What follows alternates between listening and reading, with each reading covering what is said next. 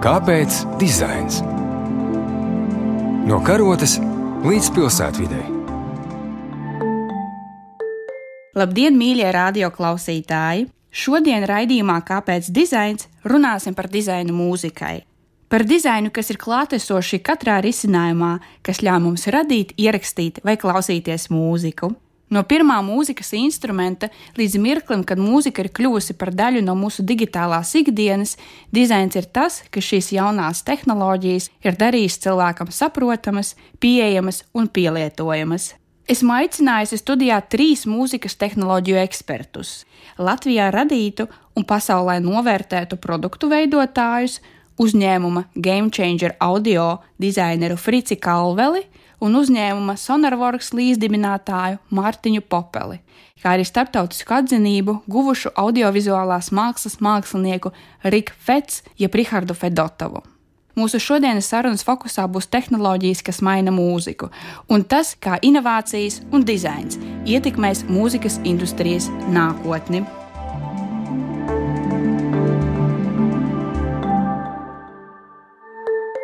Paldies, ka esat ieradušies! Jā. Mani sauc Mārtiņš, es esmu Sonarworks līdzdibinātājs. Šobrīd atbildu par produktu stratēģiju un produktu izstrādi mūsu uzņēmumā. Atbildot uz jautājumu, kas ir tehnoloģija, kas visvairāk ir mainījusi mūzikas attīstību, man tomēr gribās kāpties soli atpakaļ un teikt, ka tā ir tehnoloģija, kas ļauj mūziku ierakstīt un pēc tam atskaņot kādā citā vietā. Tur ir bijušas dažādas inkarnācijas šim, kā sākot no platēm, tad eh, lentām, un eh, tagad, protams, viss notiek digitāli. Bet tas brīdis, kurā tika atdalīta iespēja mūziku klausīties no tā, ka mūziķi viņu tur klātienē dzīvojā spēlē, ir būtībā devusi pamatu izaugt visai mūzikas nozarei, tam, ka cilvēki var mūziku ierakstīt un aizsūtīt kādam kaut kur citur. No tā ļoti, ļoti daudz, man liekas, kas ir attīstījies. Līdzīgi kā drukas mašīna, kā atraisīja visa veida rakstu rakstisko pasauli, kur var uzrakstīt, un aizsūtīt un nodrukāt, pavairot citās pilsētās tekstu. Tā mūzikas ierakstīšana, atskaņošana ļoti vērsusi plašumā, atļāvusi tai mūzikai nonākt tur, kur viņš šobrīd ir. Es esmu Frits Kalvels, esmu Game Changer audio dizainers. Un uh, tehnoloģija, kas visvairāk ir mainījusi mūziku, ir mūzikas pierakstīšana, rakstība. Tas var būt tāds klasisks atbilde, bet tagad mūsdienām tuvāk varētu būt sampleris. Un es nezinu, kā to sauc Latvijas cilpotājs.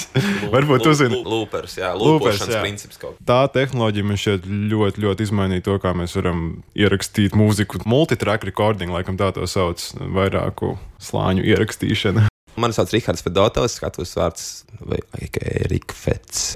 Nu, es droši vien papildināšu, tu domā, ka digitālais uh, inputs vairāk tehnoloģijā, tas, ka dators kļūst spēcīgs. Tagad mūsdienu tehnoloģijas tieši software izstrādē ir ļoti kāpušas priekšu. Būtu jāmin kā galvenā Ableton programma, kas gan tādiem cilvēkiem, kas uzstājās, gan tiem, kas ieraksta, vai, teiksim, FL studio, kas ir vairāk jaunāks paudzes cilvēkam. Bet, jā, ja mēs uzskatām datoru kā mūsu inteliģences apvienojumu kopumu, kas tomēr ir gudrāks, nu, zina daudz vairāk nekā mēs, tas ir vienkārši ļoti strauji progresējis, un mēs šobrīd esam viņa paspārnītāji jau paši varbūt neapzinoties. Es vēlētos uzsākt mūsu diskusiju par to, kā tehnoloģija šobrīd maina pašu mūzikas vispirms radīšanas procesu. Proti, mēs dzīvojam digitālajā laikmetā, un te jau visu, kas ir saistīts ar mūziku vai kas ir saistīts ar skaņu, mēs varam simulēt ar datora palīdzību, kāds arī nu pat ir izskanējis no jums pašiem, ieskaitot, piemēram, simfonisko orķestri līdz kaut kādam limitam. Taču neraugoties uz to, mēs joprojām redzam tehnoloģijas, kas ir desmitiem un simtiem gadus senas. Mēs joprojām ražojam klasiskās mūzikas instrumentus, mēs joprojām ražojam analogās elektroniskās ierīces, analogos sintetizators, kas šobrīd tieši piedzīvo savu renesansi. Un Game Changer audio pasaulē piedāvā visnotaļ taustāmu dizaina produktu. Frici, vai lūdzu vari izstāstīt vairāk par jūsu darbību un dalīties pārdomās par to, kāda ir šī brīža tehnoloģiju ietekme uz mūzikas radīšanas procesu, kā šis jaunais digitālais un taustāmais fiziskais savstarpēji sadzīvo? Mūsu produktu klāstā pārsvarā šobrīd pedāļi, no kuriem plus pedāls, kas bija pirmais produkts, ir ar digitālām smadzenēm, bet ar analogu sirdi. Tad, piemēram, plazma pedāls, kas ir zibentiņa pedāls, tas ir pilnībā analogs. Tādu pedālu arī varētu uztaisīt pirms kādiem 30, 40 gadiem, pilnīgi mierīgi. Bet jā, tās lietas sadarbojās, tas analogais ļoti sadarbojās tagad ar digitālo, un daudz kā vēl kā ārā analogo skaņu, kā kaut ko ļoti labu. Tāpēc tie analogie sintetizātori nāk atpakaļ, jo vienkārši tādu skaņu ir patiesībā grūti dabūt. Tā lieta arī par analogo un digitālo ir tāda, ka nepilnībā visas skaņas mēs varam digitāli uztaisīt. Piemēram, to pašu plazmu pedāļu skaņu. Viņu ir uh, grūti atkārtot digitāli tieši tādu pašu, jo ir visādas mazas kļūdiņas, viss kaut kas tāds, kas viņu pateiks, kāda viņi ir. It kā var teikt, ka visu kaut ko var uztaisīt digitāli tagad, bet nu, ne visu, visu. Jā. Mēs arī tūlītās laidīsim ārā tādu pirmo mūzikas instrumentu, ko mēs ražojam, kas ir motors sintetizators, kas taisa ar motoriem skaņas. Man liekas, šobrīd tas, kas notiekās, ir, ka ir ļoti daudz dažādu eksperimentu par to, kā vēl varētu radīt skaņu un kādus vēl dažādus skaņas efektus var iegūt un kā var sakombinēt visneiedomājamākās lietas, gan lai tas būtu skaņas ziņā interesanti un unikāli, gan tas būtu arī vizuāli un tādā taustes un darbības līmenī. Inovatīvi cilvēki, kas rada mūziku, man liekas, šobrīd ļoti, ļoti meklē unikālu pieeju, unikālu skaņu, unikālu veidu, kā radīt un dažādi šādi risinājumi šobrīd ir kā game changers ļoti populāri un pieprasīti mūzikas radīšanas pasaulē. Jo tā kā, tās robežas ir jau diezgan daudzas nojauktas, un visi tagad meklē, kas ir kaut kāda nākamā lieta, ko varētu Bet tā, tā ir tāda labā puse. Un īstenībā, jā, ir visam arī bišķīt sliktā puse, kas man šeit nākus ar to digitālo un visu to ierakstīšanu, ka mūsdienu mūzika palikusi mazliet tāda klucīga. Viņa tiek vizuāli programmēta. Nu, snāk, mm -hmm. tu ieraksti kaut kādu klucīti, sakārto ar citiem klucīšiem, un tad beigās tie klucīši uztais dziesmu. Un kādreiz bija tā, ka visi sanāk kopā, uztais mūziku, ierakst vienu lielu klucīti. Tāds uh, latviešu veterinārs, teiksim, Ingūns Baušķinieks, utopiski varbūt dažreiz viņš neizmanto jaunas ierīces, arī viņš negrib skatīties monitorā, bet papildinot tevi, viņš arī saka, jāklausās ar ausīm, nevis jāskatās ar ekrānu. To jāklausās mm. ar mūziku. Viss kaut kādi, protams, aspekti nāks ar datoru attīstību, tas attīstās ļoti strauji. Es arī mīlu analogus sintezatorus, es nāku no klasiskās mūzikas. Tas, kas notiek analogā instrumentā, tur ir reāls mehānisms, reāla strāva, bet dažreiz es nevaru atpazīt, vai tas ir analogs vai digitāls, lai gan man ir laba auss. Bet es teiktu, tā, ka vieglāk ir uztaisīt analogu skaņu, bet analogi uztaisīt digitālu skaņu vienkārši nav iespējams. Man patīk apvienot akustiski labi ierakstītas skaņas analoga sintēze ar digitālu sintēzi. Šīs trīs lietas savienojot kopā veidojās miksēšanas sajūta. Ja tagad elektroniskā mūzika ir uzsvers uz kaut kādām tādām perkusīvām skaņām, strokšņiem, kas ir ļoti tāds pat neapstrādāts. Uztaisīt sintēzatoru mūziku, viena sēmpliņa pieliec, mūzika redz atdzīvot. Sintēzators reiz sāk kalpot. Tas ir tas, kas cilvēkam liek uztvert to visu.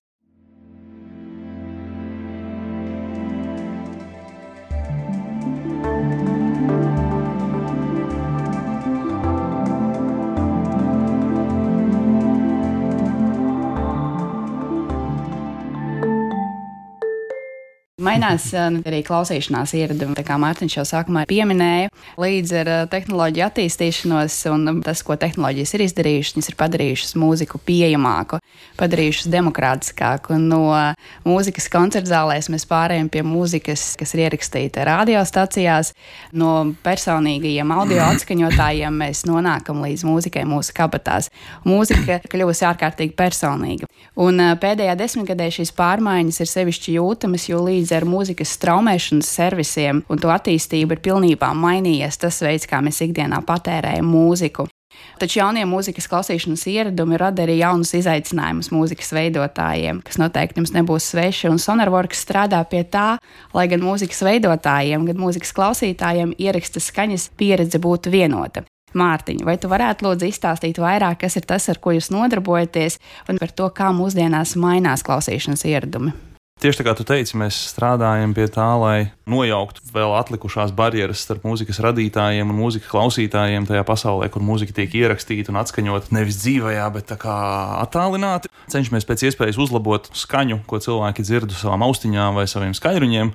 Šobrīd mēs dzīvojam pasaulē, kur visas austiņas, visas skaļruņi skan dažādi. Dažreiz cilvēki, kad izvēlās austiņas, ir vienkārši samulsuši un nesaprot, ko tagad viņiem vajadzētu nopirkt un kas tad ir laba skaņa un kas nav. Mūsējā pieredze un pētījumi rāda, ka patiesībā tā atbilde ir vienmēr personīga. Attiecīgi, mēs šobrīd strādājam pie programmas, kas ļauj katram cilvēkam atrast savu ideālo skanējumu, personīgi pielāgotu priekš katra konkrētā indivīda, un tad šo skanējumu var aiznest uz visām austiņām vai visām skaņas ierīcēm, ko cilvēks klausās. Mēs jau kādu laiku diezgan veiksmīgi darbojamies mūzikas radītāju pasaulē. Tur savukārt vajag ne tik daudz personīgu skaņu, cik neitrālu skanējumu mūzikas radīšanas procesā. Jautājums, kā mainās mūzikas klausīšanās pieredze. Protams, viņi paliek daudz mobilāka un daudz dinamiskāka. Vairs nav jāiet uz filharmoniju, lai obligāti paklausītos mūziku, tā kā viņi var dzirdēt visur un vienmēr. Vēl viena lieta, kas notiek ar mūziku, daudz vairāk nekā agrāk aizvirzās otrajā plānā, jo šobrīd ir tāds video un vizuālās pieredzes uzvaras gājiens pasaulē. Vienā brīdī audio bija centrāla lieta, ko dzirdēt un ko pieredzēt, un tagad arvien vairāk tas kļūst par piedevu un papildinājumu viena vai otra veida video saturam. Bet, uh, Kopumā man liekas, šobrīd audio tiek radīts un patērēts vairāk nekā jebkad agrāk vēsturē. Un skaņas pieredze, pat ja neapzināti, tad ļoti svarīga pieredze visā, ko cilvēki šobrīd um, dara savā dzīvē. Bet līdztekus dažādiem straumēšanas servisiem pēdējā desmitgadē ir novērojama arī vinila plaša atgriešanās. Statistika rāda, ka pēdējos 13 gadus vinila plaša patēriņš katru gadu turpina pieaugt, un pērn tie bija 16,8 miljoni pārdot albumu gadā, kas uz visu citu iespēju fona ir pietiekami daudz. Un, ja mēs raugamies no tehniskā tehniskās puses, tad vinila plates ir visnotaļ ierobežojošs formāts. Mums ir daudz dažādi citi attīstītāki veidi, kā klausīties mūziku. Bet kā jums liekas, kāpēc cilvēki turpina izvēlēties šo pieredzi? Jā, es varētu teikt, ir skaņas kvalitātes atšķirība tā ir ļoti, ļoti minimāli pamanāma. Skaņēju kaut kāds lielāks siltums, liekas, tā dzīvīgāk mazliet, bet tā citādāk vēl arī viens no iemesliem, kāpēc vīnuls joprojām ir populārs, tā ir nostalģija man šķiet. Man būs diezgan skeptisks viedoklis. Man liekas, pirmkārt, kopumā, ja mēs skatāmies uz pasauli, nu, nav tur nekāda atgriešanās. Mēs sakām, populāri vinila plašu kategorijā droši vien tas pieaugums ir pat diezgan vērā ņemams procentuāls izaugums, bet, ja mēs skatāmies kopumā uz to, cik mūzika patērē un cik procents no tā klausās, klausās uz vinila, tad tas ir ļoti, ļoti margināls segments, kurš margināli aug, bet nekur viņš pasauli atpakaļ nepārņems. Tas ir apmēram tāpat kā kaut kur vēl ir cilvēki, kas fotografē uz analogiem fotoaparātiem, tāpēc, ka nostalģija vai tāpēc, ka var iegūt kaut kādu īpašu efektu. Es domāju, ka viņš piedzīvo popularitāti vai izaugsmu ne tikai nostalģijas pēc, bet arī tāpēc, ka cilvēkiem patīk pamainīt, taustāmāk tā mūzikas pieredze. Tā kā tu vienkārši nospied podziņu uz ekrāna, kur jau visiem varbūt ir apnicis, bet man liekas, kaut kur bija stāsts arī par to, ka kasetes piedzīvo atgriešanos, un arī jauniešiem, kas viņus nav pieredzējuši, tā kā, oh, pasties, kā interesanti. Tas viss ir vienkārši modes un interešu uzplaiksnījumi, bet tas nav nekas tāds, kas tagad atgriezīsies un nogalinās straumēšanu. Jā, tas noteikti nenogalinās straumēšanu, bet arī tas pats stāsts par uh, analogo ierīci, kur ir reāli objekti, kas satiekās. Ir adatiņa, kas griežās uz reāli vinulu pa tādu grāvīti, un tur notiek. Tas nav digitāls algoritms, jā, kur ir vienkārši cipariņi. Es domāju, mūsdienās tās plates patiesībā ir ierakstītas, tā mūzika ir ierakstīta digitāli, pēc tam pārvērsta un iegravēta vinilā. Es arī esmu bijis plašs samplus, ko tu izmanto elektroniskā mūzikā. Tu izmanto viņu skaņu kopā ar kādu ļoti sintēzētu skaņu. Un tā skaņas kvalitāte, nu, tur ir kaut kas tāds īpašs, bet nu, var strīdēties par to atšķirību. Es saku, ka tie trokšņi un tās kļūdiņas, un tās mazās lietiņas, kas ir tajās analogajās lietās, un arī ierakstīšanas metodēs, daudz arī raksta lentēs iekšā, lai pēc tam vilktu vārā un liktu digitālajā formātā. Tikai Tos trokšņus jau tu vari imitēt. Jā, nu, tas ir tāds jautājums, par ko diskutējat.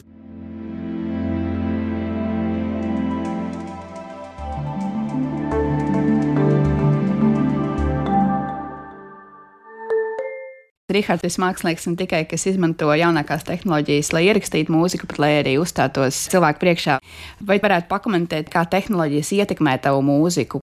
Es vispār uzskatu, ka uh, fiziskas formas kā tādas nav iespējams, ka viņas pastāvēs šausmīgi ilgu laiku. Viss attīstās, iet uz to, ka mēs tomēr uh, lēnām sintēzēsimies. Es uztveru cilvēku kā tādu kāpuru pirms ir radies tauriņš, un tas tauriņš ir jaunais dators. Nu, tā, diemžēl, es domāju, nu, tādā lielā laika posmā. Šobrīd jau mēs balstamies uz datoru palīdzību, uz telefonu. Mēs bez viņa nevaram. Viņš tādā labā veidā nāk pie mums. Un, ja mēs viņam nekļūsim par traucēkli, nebūs tā, ka mēs izmantosim manipulācijas, lai cīnītos viens ar otru. Es domāju, ka konfliktā nevajadzētu nonākt. Tagad mazliet pie zemes vairāk, teiksim, kā tīri fiziski izpaužās tieši mana instrumenta galvenā spēle ar vizuālo, teiksim, strādāt mūziku, tu skaties uz ekrānu. Un tas ir viens veids, kā es producēju mūziku, lietas klucīšas. Sataisi kaut kādas skaņas, un tad tu vari viņas salikt uz podziņām. Man ir 64 podziņas vienā skatā, un es viņas varu kā klasiskais pianists vienkārši pārvietot. Un tur ienāk tas elements, kad es improvizēju vairāk. Un to pašu es varu darīt ar vizualizācijām. Kad es spēlēju instrumentu, tad uzspiežot vienu podziņu, sūtu signālu uz datoru, kur atrodas vizuālais kontents. Un tad es pielāgoju to vizuālo kontentu katram tam samplam.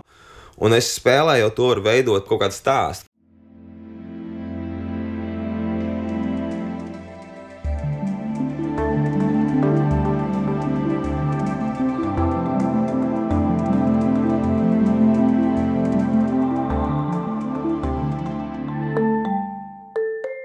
Parunāsim par nākotni, par rītdienu.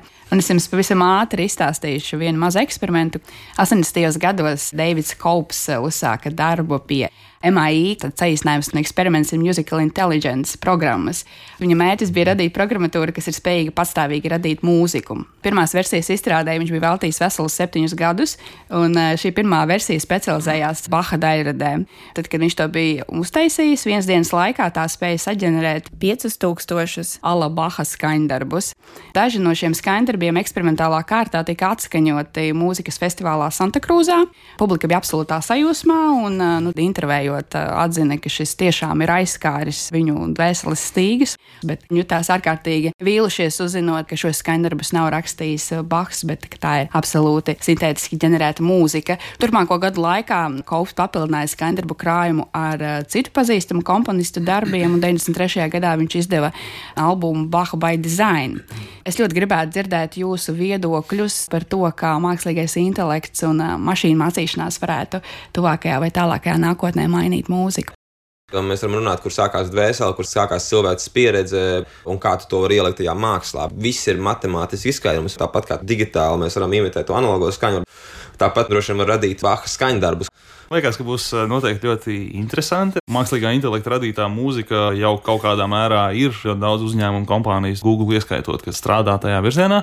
Būs mūzika, kuru radīs vienkārši mākslīgais intelekts, un kuru droši vien cilvēks spēs tikpat emocionāli piedzīvot, kā īsti cilvēki radīt mūziku. Ir AI mūzikas kategorija, kas saucās AI assisted music, kur Rihards var uzlikt uz podziņām dažādus samplus un spēlēt. Tad vienā brīdī tur parādīsies plugini, kas ļaus zem tām podziņām dzīvot jau kādiem AI risinājumiem. Tajā brīdī jautājums, kas ir tā robeža starp to, kas ir mākslinieks, kurš uzstājās, un, un kas ir tā datora radītā mūzika, un kur ir tā robeža starp to, ka tas mākslinieks kaut kādā interesantā veidā ir atklājis mūziku un viņa aiznesis cilvēkiem. Un, tie jautājumi paliks arvien asāki. Nesen bija viena arī paneļa diskusijā par mākslīgā intelekta radīto mūziku. Un viena lieta, kas man liekas, notiks, autortiesību pasaule tiks pilnībā iznīcināta diezgan ātri, jo, teiksim, jau šobrīd tev ir tur mākslīgā intelekta engine, kuriem var iedot visu kraftverku biblioteku, un viņš sāks radīt ļoti līdzīgu mūziku, bet droši vien to algoritmu varēs noregulēt tā, lai kāda nu būtu tajā brīdī autortiesību definīcija, lai viņš atrastos ārpus tās definīcijas, bet cilvēkiem protams, skanētu ļoti līdzīgi.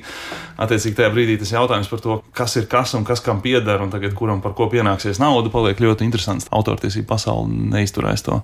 Viņa ļoti mainīsies tajā brīdī, kad tā AI mūzika paliks vēl pieejamāka nekā tagad. Varbūt ir kaut kas, ko es ārpus mākslīgā intelekta gribat komentēt par nākotni, noslēdzot jau pakāpeniski mūsu diskusijas. No dizaina puses var pateikt, ka mēs mēģinam uztaisīt visu tā, lai cilvēkam būtu pēc iespējas vieglāk lietot, uztaisīt vienkārši muļķu drošas iekārtas. Piemēram, motoru sintetizatoram, ko mēs tagad taisām, viņam ir poga, kas īstenībā ir jau parādījusies arī uz citiem sintetizatoram, bet tā ir randomizācijas poga vai arī panikas poga. Tā viņa ir nosaukta, ka, piemēram, mēs kaut kur aizpeldējamies galīgi traktajā skaņā, tu gribi būt kaut kur citur, tu vienkārši nospied pogu, un pilnībā visas vērtības nomainās uz kaut ko nejaušu. Un tu vari tā ceļot cauri tādām skaņām, un nu, tas ir vienkārši un vieglāk. Un mūziķis, piemēram, var nevis tur grozīt vairākus mazus parametrus, bet visu laiku spaidīt vienu pogu un meklēt savu skaņu. Jā, mēs mēģinām padarīt tās iekārtas interesantākas un tā, lai viņām foršāk spēlēties. Tas ir tas, kas mainīsies tuvajā nākotnē. Viss paliks vieglāk spēlēties.